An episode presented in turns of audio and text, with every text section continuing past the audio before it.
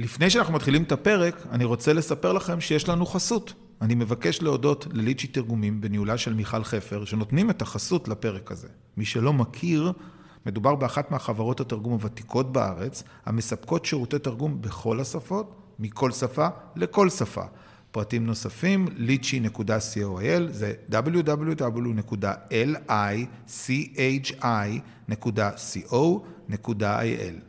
יאללה, מתחילים.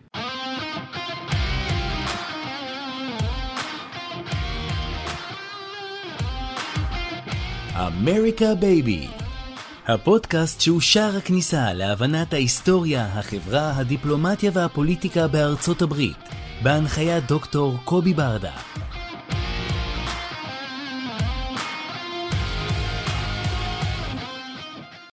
שלום וברוכים הבאים לעוד פרק של אמריקה בייבי. היום אנחנו גאים לארח את דוקטור דינה ליסננסקי, שהיא מומחית לאסלאם ותנועות קיצוניות במערב ובמזרח התיכון. היא מלמדת במרכז האקדמי שלם ובית הספר הבינלאומי לממשל באוניברסיטת רייכמן.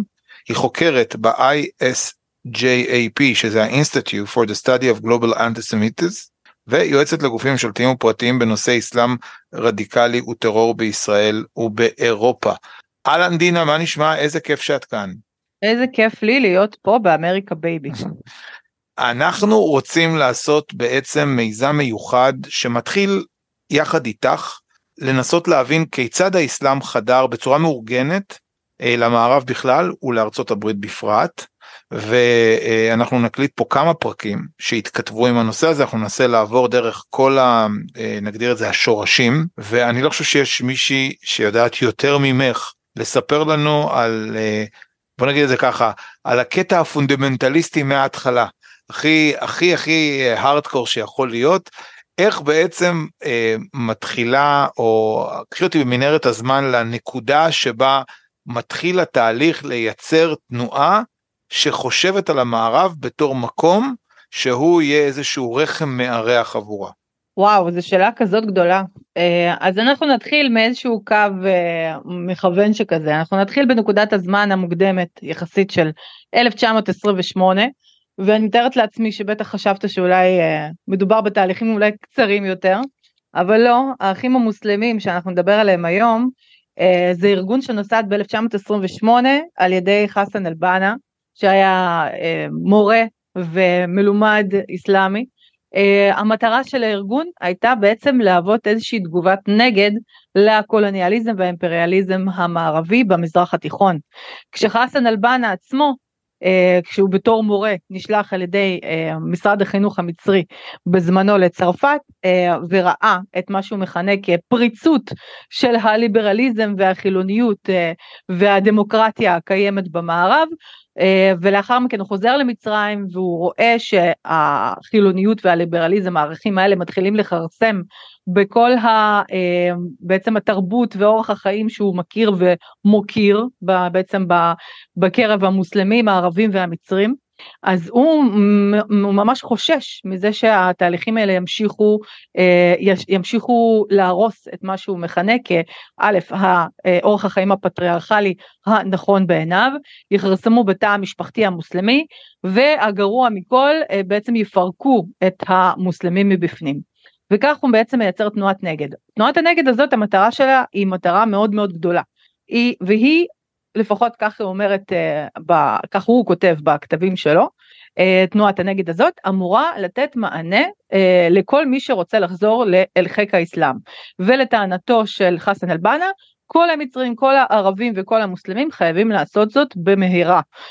מה זה אומר? זה אומר לבנות חברה אסלאמית בריאה לפי חוקי השריעה. וככה זה בעצם מתחיל. בשלב מסוים, האחים המוסלמים שהם בעצם ארגון חברתי בהתחלה, יש, יש האומרים מהפכני בצורה מסוימת כי הם מתנגדים למשטר המלוכני במצרים כי הוא לא אסלאמי במהותו. אה, אז התנועה הזאת היא צוברת הרבה מאוד מתנגדים חוץ מ... כלומר ככל שהיא גדלה היא צוברת יותר ויותר התנגדות ממשלתית. ובשלב מסוים אה, לאחר מהפכת הקצינים במצרים כשנאסר עולה לשלטון הם מוצאים את עצמם מחוץ ללופ. חסן אל-בנה מחוסל עוד לפני כן בשנת 49 אה, ויש הטוענים אה, על ידי תומכי המשטר של המלך ולאחר מכן חברי התנועה מוצאים את עצמם או בכלא או מוצאים להורג או בגלות. עכשיו לאן בעצם, לאן מהגרים מתוך מצרים?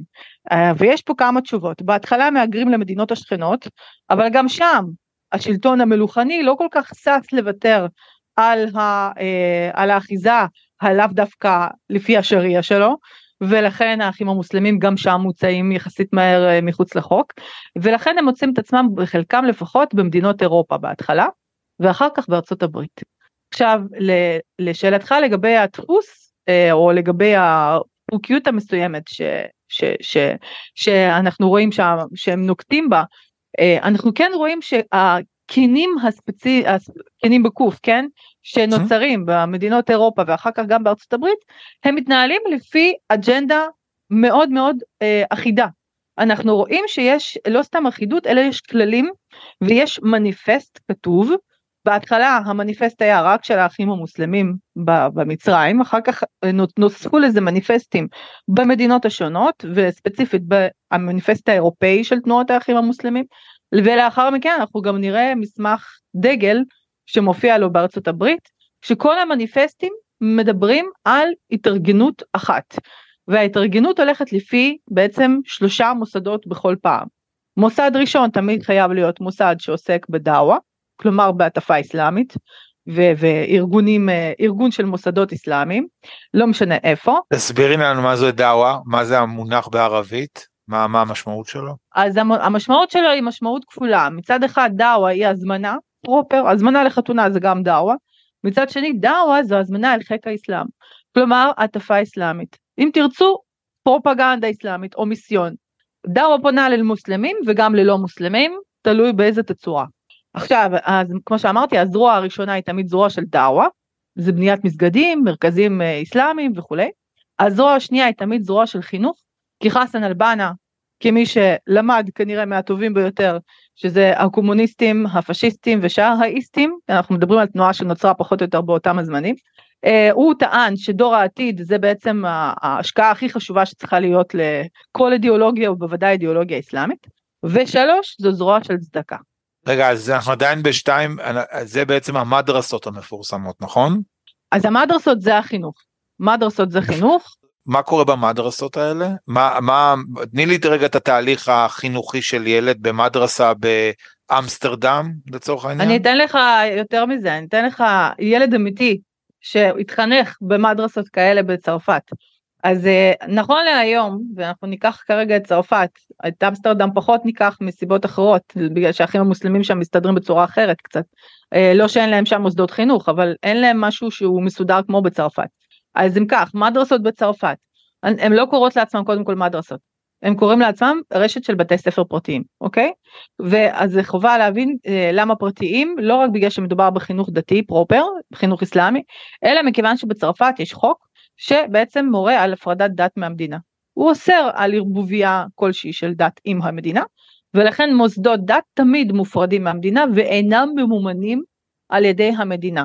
יש כמה לופ הולס בתוך הדבר הזה. זה אומר שלפעמים אפשר להשתמש במיסים כדי כן לממן לפחות באופן חלקי. tax deductible, כן. בדיוק, יפה. עכשיו, אה, זה, זה מאפשר לחלק מהאנשים כן להשקיע כספי מיסים במוסדות חינוך אסלאמיים. עם זאת, הרוב לא מתקיימים לפי התצורה הזאת. מה כן קורה שם? ילד בגיל מאוד קטן נכנס לבית ספר יסודי. מה זה גיל קטן? יש כבר גן ילדים למשל, לצורך העניין? גני ילדים פחות מעניינים אותם, אני אגיד לך למה. א', רוב האנשים לא מכניסים ילדים לגני ילדים פרטיים אסלאמיים, לא נראה את זה בצורה גורפת. ב', רוב האנשים מתחילים לחשוב על חינוך נוסף לילדים שלהם, הרי נגיד והם גרים בצרפת או בבריטניה או בספרד, והם אה, הם, הם חיים את החיים שם, רובם גם נולדו שם. זה Sunday Schools מה שנקרא. בדיוק, אתה מתחיל לחשוב, תחשוב כמו שאתה חושב נגיד כיהודי בארצות הברית, אוקיי? או כמו נוצרי בארצות הברית, כן. כמו נוצרי בארצות הברית איפשהו זה שונה. כי אני, את ממש מה שאת מתארת לי אחד לאחד זה מדהים אני פעם ראשונה שומע את הדברים האלה אחד לאחד. אה, כל הדוקטורט שכתבתי על פלוול על, על אותם גם על אותם עוגנים זאת אומרת כאילו זה וקטורים מדויקים אחד לאחד ממש עובד זה מדהים בעיניי זה פעם ראשונה שאני שומע על הסטרקטורה של התפשטות הדת זה ממש אה, מדהים. ככל הנראה כשמדובר בדת מיסיונרית כמו אה, נצרות או אסלאם, אז גם הדפוסים יהיו מאוד מאוד דומים. אז כן, זה מדהים. אז מה שאנחנו בעצם רואים זה שהילד נכנס לבית ספר אסלאמי, הבית ספר האסלאמי או המוסלמי, יש הבדל פה, הבית ספר האסלאמי uh, הוא מספק לא רק לימודי דת אלא לפעמים גם לימודים רגילים. למה אני אומרת לפעמים? כי יש בתי ספר שהם בדיוק כמו שאתה מתארת uh, כרגע סאנדה סקור ששם זה פרופר לימודי דת ויש בתי ספר שהם ממש רשת של בתי ספר פרטיים ששם יש לך גם לימודי ליבה וגם לימודי דת זה משהו שונה. אז אני מדברת על אלה שהם בתי ספר שבעצם כוללים גם לימודי ליבה וגם לימודי דת הם נכנסים לשם ומקבלים אה, את דת האסלאם כ... איך לומר את זה? כסוג של אה, מארז שלם. עכשיו קובי, המארז שהם מקבלים זה לא בדיוק דת אסלאם מבית אמא ואבא, הם מקבלים את דת האסלאם לפי הכתבים של חסן אל-בנה ושאר האחים המוסלמים, כשזה כולל לפעמים גם את סייד קוטוב, שהוא אגב היה האידיאולוג הג'יהאדיסט בתוך האחים המוסלמים, ומתוך האידיאולוגיה שלו צמחו תנועות מאוד רדיקליות וארגונים מאוד רדיקליים כמו למשל אל קאעידה ואחר כך גם דאעש. כולם מבוססים על תורתו של סייד קוטוב. זאת הזרוע הקיצונית יותר של האחים המוסלמים. שבעצם אומרת שיש דין אחד לכופרים שהוא מוות פחות או יותר?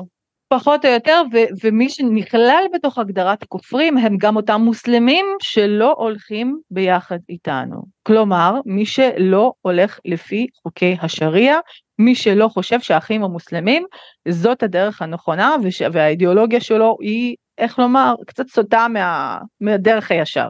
זהו אז זה, זה מעגלים. והזרוע השלישית זה אמרנו הצדקה שפשוט הפרעתי לך שם באמצע. לא נורא כי אנחנו דיברנו הרבה על חינוך וזה הכי חשוב גם על אליבא דחסן אל-בנא. אז הצדקה מה הכוונה בצדקה תני לי קצת הרחבה על הזווית הזאתי. אז צדקה זו זרוע מעניינת במיוחד, מכיוון שאף אחד לא חושד ב charities, נכון? במיוחד נכון. בארצות הברית יש charities, אוקיי? מותר לך לתרום למי שאתה רוצה. אז זהו שמוסדות צדקה שהם תחת האחים המוסלמים המטרה שלהם זה לאסוף כספים למטרות של האחים המוסלמים. אז גם אם יאמרו לך רגע זה כסף שאנחנו תורמים כרגע לילדים מסכנים בסוריה ובעיראק אתה צריך לעצור רגע ולחשוב למי בסוף הכסף הזה יגיע. אני אתן לך דוגמה מאוד uh, מעניינת דווקא בשביל התקופה שלנו, אנחנו כרגע נמצאים במלחמה מול החמאס לאחר השביעי באוקטובר, והרבה תוהים למה החמאס זוכים לכל כך הרבה תהודה בעולם ואהדה דווקא באוניברסיטאות בארצות הברית. ויש איזה סיבה, ולא רק בארצות הברית, ארצות הברית זו בעצם הפעימה האחרונה נקרא לזה ככה, מכיוון שלפני כן ועשרות שנים לפני כן כל התהליך שאנחנו רואים היום באמריקה כבר קרה באנגליה ובצרפת באוניברסיטאות שלהם. למעשה אנחנו מדברים על מוסדות צדקה שפועלים מתוך מדינות אירופה כדי להעביר כסף למה שהם מכנים ילדי עזה. אבל שנייה, למי באמת מעבירים את הכספים האלה? למשל, זרוע הצרפתית, אוקיי? של האחים המוסלמים, שיש לה מוסד צדקה משלו, נקראת CBSP, שזה קומיטה דה ביאנפסנס דה סקור או פלסטיניאן, וזה בעצם אומר שמדובר בוועדה שכל מטרתה היא להעביר צדקה לפלסטינים. עכשיו, לאיזה פלסטינים? מכיוון שהפלסטינים היחידים או הארגון היחיד בקרב הפלסטינים אה, שתואם את אותם ערכים של האחים המוסלמים וזה בעצם ארגון בת של האחים המוסלמים זה החמאס אז כספים של CBSP עוברים לחמאס ישירות לחמאס במשך שנים בצורה כזאת האירופאים תרמו אה, והאחים המוסלמים בצרפת התרימו כספים לחמאס באופן ישיר, בלי בכלל שמישהו יבין למי הכסף הזה עובר באמת. וואו, וככה מדהים. זה קורה גם בארצות הברית נכון להיום. אז בואי באמת אה, נקפוץ עכשיו אה, ככה נעשה איזשהו דילוג לארצות הברית. אה, מתי, קודם כל אם במקרה את יודעת להגיד לי למה הקהילות האלה הולכות למקומות מאוד ספציפיים נגיד למישיגן יש קהילה מוסלמית גדולה או או בפיניקס יש איזושהי קהילה מאוד גדולה למה למה הם הולכים כאילו כגוש אחד האם יש איזושהי הכוונה או איזושהי הטיה ספציפית לזה אם את יודעת אחלה אה, כן. אה, ואיפה הם מתארגנים תחת קבוצות כאלה זאת אומרת איפה איפה הפעילות הזאת מתחילה בערך תני לי גם את ה framework של השנים שבהם מתחילים להתארגן כקהילות באמריקה. טוב אז אז באמריקה אנחנו מדברים על יותר שנות ה-80 וה-90. אנחנו יכולים לומר בוודאות שזה התהליך שם מתחיל כמה עשרות שנים מאוחר יותר מאשר במדינות אירופה. וזה מסיבות שונות שקשורות בעיקר להגירת עבודה, כי גם באירופה הכל התחיל כהגירת עבודה ורק לאחר מכן קרה איחוד משפחות. אגב, מה שאני אומרת עכשיו גם עונה לשאלה שלך, שלגבי איך, איך קורה שיש ריכוזים גדולים במקומות מסוימים ולא באחרים.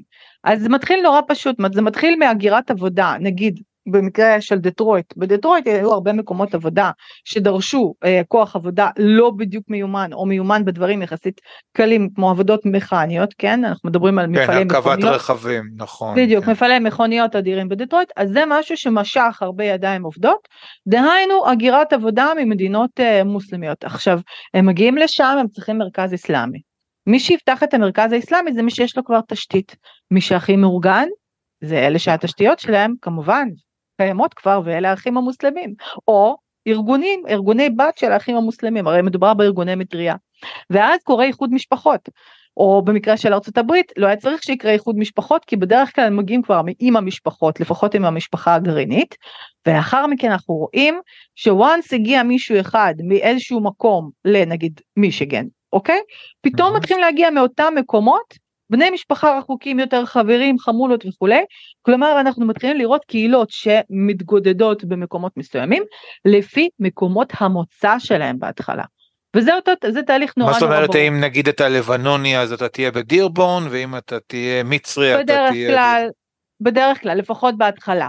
לאחר. מכן כשיש קהילות גדולות יותר כבר אז אין מה לדבר כי אתה יודע אנשים נמשכים לקהילות גדולות הם שואלים כבר איפה יש קהילה מוסלמית אומרים להם או יש אותה ספציפית קרוב לניו ג'רזי במקום כזה וכזה מגיעים לשם יש ספציפית בטקסס קהילות כאלה וכאלה מגיעים לטקסס וככה זה בעצם ממשיך. למה כדי שיהיה להם בשר חלל ושיהיה כאילו זה מה בוודאי. שמושך אותם חיים כאילו חיים חיים מוסלמים חייבים להיות. בקהילה כמו שחיים יהודיים הרבה פעמים לא מתקיימים בלי קהילה כך גם חיים מוסלמים. מוסלמים. זה קורה שוב בדת האסלאם מכיוון שדת האסלאם היא אה, לא מפרידה בין הפרט לכלל והיא אה, לא מפרידה וזה משהו שחשוב לשמוע היא לא מפרידה בין דת למדינה. וזה והאחים המוסלמים זה ארגון של אסלאם פוליטי. וזה ארגון של אסלאם פוליטי ששואף גם להשפיע בצורה כזאת או אחרת על החיים שמסביב. בואו נזכר במה שאומר חסן אל-בנה במניפסט הראשון שלו, אוקיי? בכתבים הראשונים שלו. כשהוא אומר שהמוסלמים צריכים תמיד לזכור שהאסלאם הוא הפתרון לכל הבעיות, על-אסלאם הוא על-חל בערבית. ואם הוא פתרון לכל הבעיות, אז צריך לפתור את כל הבעיות של העולם על ידי הכנסת החוקים האסלאמיים, על ידי בעצם ציות לחוקי השריעה ובנייה של חברה אסלאמית לפי אה, העקרונות הללו. אז הנה אנחנו רואים את זה ממש פה, אנחנו רואים קהילות שנבנות מסביב לאיזשהו גרעין האחים המוסלמים מתווים את הדרך, נותנים איזושה, איזושהי תשתית, והנה התשתית הזאת גדלה. עכשיו, איפה מתחילים אה, בעצם המעורבות בחיי הקמפוס, כפי שאת אה, מכירה?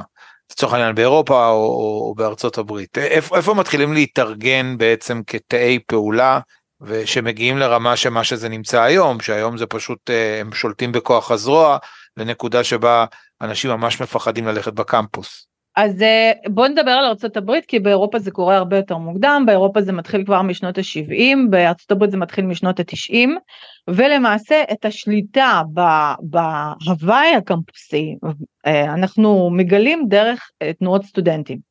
אותן mm-hmm. תנועות סטודנטים שהן מאוד נפוצות, אגודות סטודנטים. SJP למשל, נכון? או בכלל SJP, AMP, כל, התנועות, כל האגודות האלו, עכשיו נדבר על MAS, שזו אגודת על, שכל המטרה שלה זה להכניס את האסלאם אל חיי הסטודנטים, ויותר מזה, נכון להיום אנחנו גם רואים שאותן אגודות סטודנטים שממומנות על ידי האחים המוסלמים בצורה כזאת או אחרת, א', הדבר הראשון שהם תמיד אומרים, אין קשר בינינו לבין האחים המוסלמים. למה? מכיוון שהם יודעים שהאחים המוסלמים נחשב לארגון טרור ברוב מדינות העולם. אוקיי? כלומר, גם באיחוד האמירויות, גם בסעודיה, גם במצרים, האחים המוסלמים הם מחוץ לחוק. והיום, אם אנחנו נגיד על עצמנו שאנחנו פשוט התאגדות מוסלמית לוקאלית, שזה מה שקורה ברוב מדינות אירופה ובארצות הברית, כך הם קוראים לעצמם בשמות כאלה ואחרים. אני עכשיו אזרוק פה שמות שאתה כבר בטוח מכיר ושמעת, כמו ISNA, כמו CAIR, אלה נכון, שמות של ארגונים. CAIR זה האחים המוסלמים, ה chapter המקומי בארצות הברית של האחים המוסלמים. definitely, כן, מדובר בעצם בסניף המקומי, כן, ש, נכון. ש, שהוא הגדול ביותר בארצות הברית, והוא לא קורא לעצמו האחים המוסלמים. כן, הם, הם ישר אומרים לא לא אין קשר, יש קשר ועוד איך, אפילו אם נסתכל איזה אישים נמצאים שם בנקודות המפתח לכל אורך ההיסטוריה שלהם, אנחנו נראה שזה בדיוק אותם אישים שהם מגיעים מתוך האחים המוסלמים השורשיים עצמם. אז אה, שהם אגב מה... נתמכים בכבדות מטורקיה. זאת אומרת חלק גדול מאוד מהכס, מהכסף שלהם מגיע אה, ממש מטורקיה, מהממשלה הטורקית. נכון מאוד כי גם מי שכרגע נמצא בראש הממשלה הטורקית שזה ארדואן הוא מגיע בעצם ממפלגה שגם משויכת לאחים המוסלמים ה-AKP אוקיי?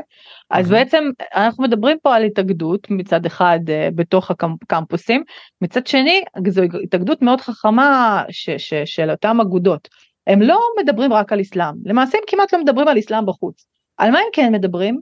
על כל ישראל. הנושאים לא לא אפילו לפני זה קובי צריך להודות בזה הם מכירים מצוין את כל, ה, אה, את כל השאלות שמעניינות את דור ה-Y וה-Z. ואיזה שאלות מעניינות הכי הרבה דור ה-Y וה-Z?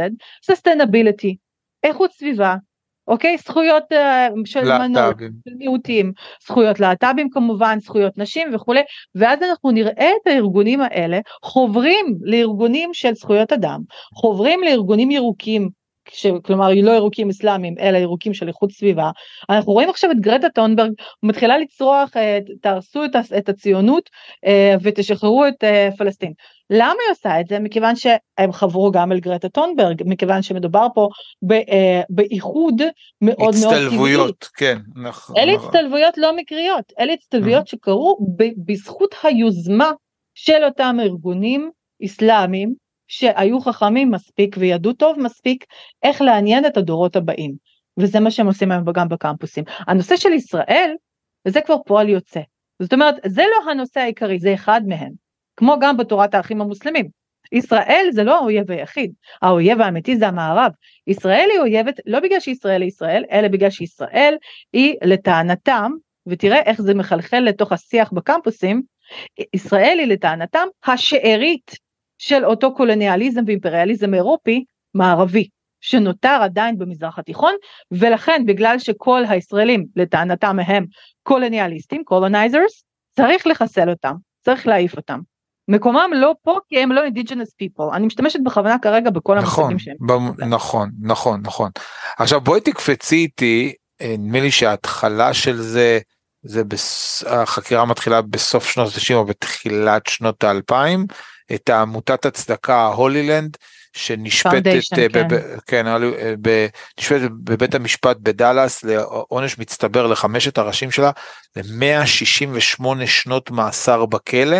אה, במה שהופך להיות הגראונד זירו לצורך העניין של אה, מעורבות ממשל פדרלי אל מול ארגוני הצדקה האלה בפעם הראשונה שאנחנו מגלים את זה כי גם שם במהלך המשפט נחשפים בעצם העקרונות היסודיים שלהם להשתלטות ומה שהם קראו לזה תוכנית 100 השנים שלנו להשתלטות על המערב.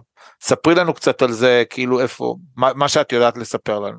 אז קודם כל המשפט הזה זה משהו שהוא בלתי יאומן מכל מכל בחינה שהיא מכיוון שבאירופה כמה שחתרו לזה לא הצליחו להגיע לזה אוקיי? לא הצליחו ולמרות ששם ארגוני האחים המוסלמים הרבה יותר בולטים. אז בארצות הברית עשו פה מעשה ואכן אה, שפטו למעשה את Holy Land Foundation ושימו לב לשם Holy Land כלומר יש פה שוב איזשהו reference לישראל, לארץ ישראל ומהצד שלהם לפלסטין. אז אמ, מה שקרה שם זה שאכן שפטו אה, את הראשים של הפאונדיישן הזה והגיעו למסקנה שהמטרה שלהם היא לפגוע למעשה בערכים המערביים בארצות הברית ולחתור תחת היסודות שלה. עכשיו אה, אני לא אכנס לכל הנושא של איך הם הגיעו לזה כי מדובר פה בהרבה עניינים חוקתיים בארצות הברית וזה באמת שאלה למשפטנים. אני כן אתייחס למסמך שהועלה כסוג של אה, הוכחה כראיה באחד ה... אה, בעצם במהלך המשפט הזה וזה אותו מסמך שהזכרת שהוא מסמך 100 השנים של האחים המוסלמים. אז זוכר שדיברתי על מניפסטים? והמניפסט של האחים המוסלמים איך הוא משתנה לאורך השנים ואיך הוא משתלב למעשה במטרות שלהם באירופה ובארצות הברית? אז זה המניפסט שלהם בארצות הברית. הוא לא שונה מהמניפסט שלהם באירופה יש לומר. פשוט במניפסט של ארצות הברית בשנת 91 נכתב באופן הכי ברור שיש שהמטרות שלנו פה זה באמצעות 29 ארגונים וממש מונים שם את אותם 29 ארגונים וביניהם נמצא ארגון איסנה אוקיי? שזה ארגון שייעץ לאובמה. בנושא הסכם הגרעין, כן. בנושא הסכם הגרעין האיראני והוא ייעץ לאובמה אה, לייצר אה, לשים איזשהו טריז בין האחים המוסלמים במצרים ובין מובארק וזה מה שבסופו של דבר גם התגלגל למה שאנחנו מכנים האביב הערבי זה יצר המון בלאגן הדבר הזה. בקיצור ארגון ISNA שמי ש, מי שכרגע מייצג אותו בין היתר בארצות הברית הם חלק מה Squad שנכון נכון, לעכשיו בטח, בטח, כן, מן הסתם כן אילהאן עומאר ובטח באמריקה בייבי דובר על זה לא פעם. בכל נכון. מקרה ה Squad יקירות המאה כן. אז אה, אז ארגון ISNA זה רק ארגון אחד מתוך 29 ארגונים שהוזכרו במשפט הזה ושהוזכרו במסמך הזה.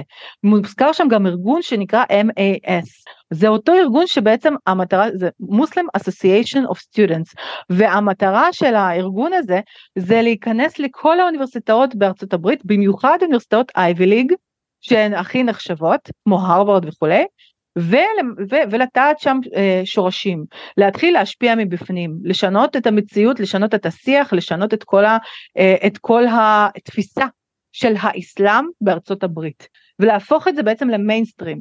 ותראה מה קורה קובי, השנה, השנה זה מדהים, זה עשרים וכמה שנה אחרי, אנחנו ממש בפיק של התוכנית שהניחו לה את התשתית לפני עשרים נכון, וכמה שנה. נכון, ולא צריך מהשנה.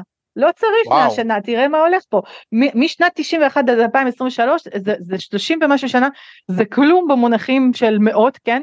ו, ובאמת, תוך פחות, באמת, תוך שליש מהזמן הם הצליחו לייצר מציאות אחרת בשביל דורות חדשים. נכון להיום... איפה, איפה מעורבת קטר בהקשר לעניין הזה בתור המממנת הגדולה של הסיפור? יש לה אה, אה, הקשרים לתוך ה... ועוד איך יש לה. עד עכשיו הזכרנו רק את טורקיה, נכון? לא דיברנו נכון. על קטר.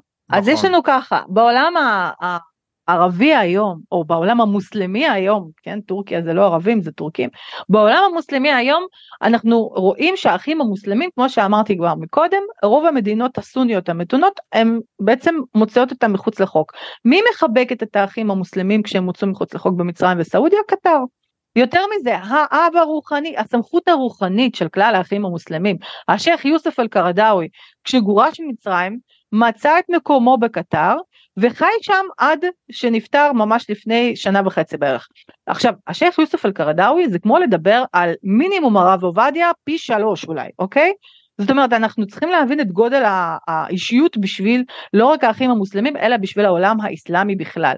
מדובר במישהו שמוציא פתוות כלומר פסקי הלכה ואנשים באמת מרגישים צורך ללכת עם הפתוות האלה כלומר לציית להם.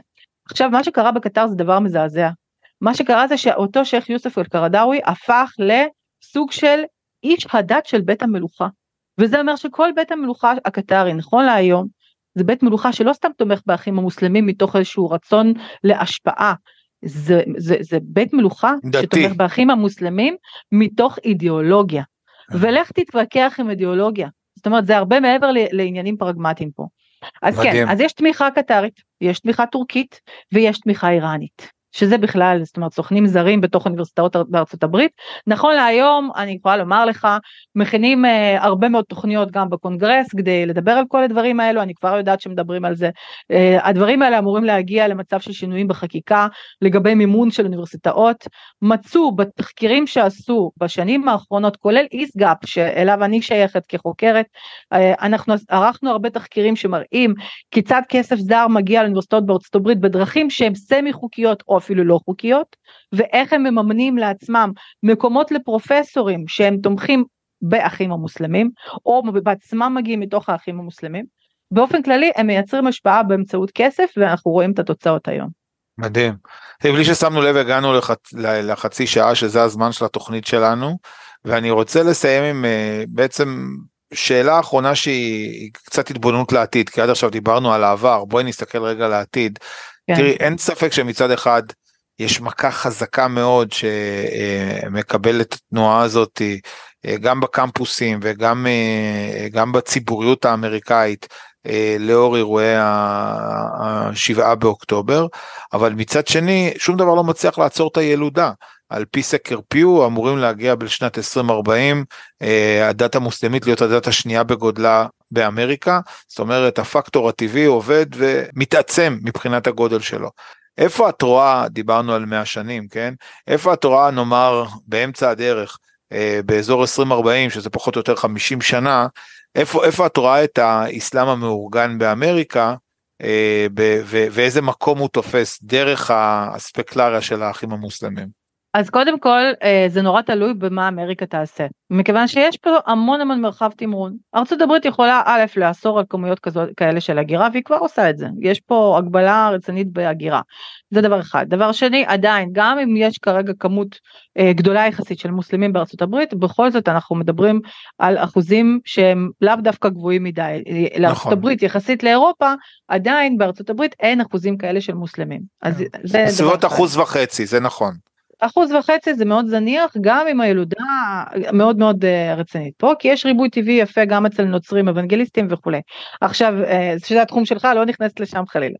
בכל מקרה אה, מה שחשוב לי לומר פה זה שארצות הברית גם יכולה לשנות חקיקה בקשר לתכנים שמועברים נכון לעכשיו גם בבתי הספר גם באוניברסיטאות להגביל אידיאולוגיות מסוימות כמו שמגבילים נאציזם נכון אז להגביל uh, הפצה של האידיאולוגיה של האחים המוסלמים כמו שזה נעשה. קצת יותר מורכב בגלל התיקון הראשון לחוקה שמאפשר בוודאי uh, בוודאי uh, כן אבל אבל גם גם חופש הביטוי יש לו מגבלות מסוימות ולמשל הקריאה לג'נוסייד זו בדיוק אחת הנקודות שעליהן כן ניתן ללחוץ גם ביחד עם כל הכבוד לתיקון הראשון לחוקה. זה אני יודעת כן כי, כי מתוך קורס למשפטים בארצות הברית שעשיתי אבל זה אחד הדברים היחידים בערך שאני יודעת על זה אז זה לא התחום שלי. אני חוזרת לתחום שלי מה עוד ניתן לעשות ניתן להגביל את הפעילות של הארגונים ועוד יותר לשלול להם את ה-tax exemption. לגמרי וגם ניתן להגביל בצורה משמעותית או לאסור בכלל מעורבות של מדינות זרות באוניברסיטאות. זה כבר אתמול עבר אתמול עבר חקיקה שהיה לי את העונג לסייע בתוך המהלך הזה עם, עם חבר הקונגרס אה, ג'יימס שבעצם מוריד את זה מ-250 אלף ל-50 אלף דולר ולמדינות שנחשבות כארבע מדינות שלא זה אפס דולרים שהם יוכלו לעשות זה, זה לא רק עם עניין של דיווח אסור לקבל תרומה תראי זה לא שלא ימצאו דרך לעקוף את זה כי כל דוט יש את האנטי-דוט אבל לפחות מבחינת חקיקה הם עובדים בכל הכוח האמריקאים לעצור יפה, את זה. ויש, ויש פה גם את לשון החוק ויש פה הרבה מרחב תמרון שניתן לעשות גם בתוך האוניברסיטאות וניתן להגביל גם בתוך האוניברסיטאות על ידי אגודות סטודנטים אחרות. בקיצור יש הרבה עבודה שניתן לעשות ממש לא הכל אבוד בנושא הזה ואני אגיד משהו אולי אחרון שסופר חשוב לי שישמעו את זה. אה, רוב המוסלמים גם בארצות הברית לא רוצים להיות חלק מהדבר הזה בכלל, לא רוצים להיות חלק מהאחים המוסלמים, הם לא מבינים בכלל למה האחים המוסלמים מייחסים לעצמם או מנכסים לעצמם את הייצוג של כלל, כלל המוסלמים בעולם, אה, והם עושים את זה גם באירופה וגם בארצות הברית וגם בקנדה ובמדינות נוספות. הערה חשובה מאוד. נקודה למחשבה, לאן כל, כל היכולת הזאת יכולה להוביל בלי האחים המוסלמים? יכול להיות שיכולים להיות, להתארגן בצורות אחרות לגמרי, או לא להתארגן בכלל, כי כי אתה יודע, לא חייבים ארגון של אסלאם פוליטי בשביל להיות מוסלמי. לגמרי. וואי, היה מרתק דינה, המון המון המון תודה, למדנו הרבה, אנחנו נמשיך את המסע אה, עם דוקטור רודי רוזן, זה יהיה הפרק השני שלנו, הפרק הבא, בסקירה של אה, האסלאם אה, המאורגן בארצות הברית ובמערב. שוב, להודות לך על הזמן שנתת לנו ועל הידע והחוכמה שלך. תודה. תודה רבה, שמחתי להיות איתכם. תודה רבה שהאזנתם לפרק הזה. אתם יכולים למצוא אותנו בכל האפליקציות של הפודקאסטים, דוגמת ספוטיפיי, אפל, גוגל פודקאסט ועוד. ושוב, המון תודה לליצ'י תרגומים בהנהלת מיכל חפר, בית לשירותי תרגום בכל השפות על חסותם לפרק זה, שניתן למצוא באתר lichy.coil, זה www.lichi.co.il. תודה מיוחדת לחברת הפודקסייה בניהולו של שלום סיונוב על הפקת הפודקאסט הזה. נתראה בפרק הבא.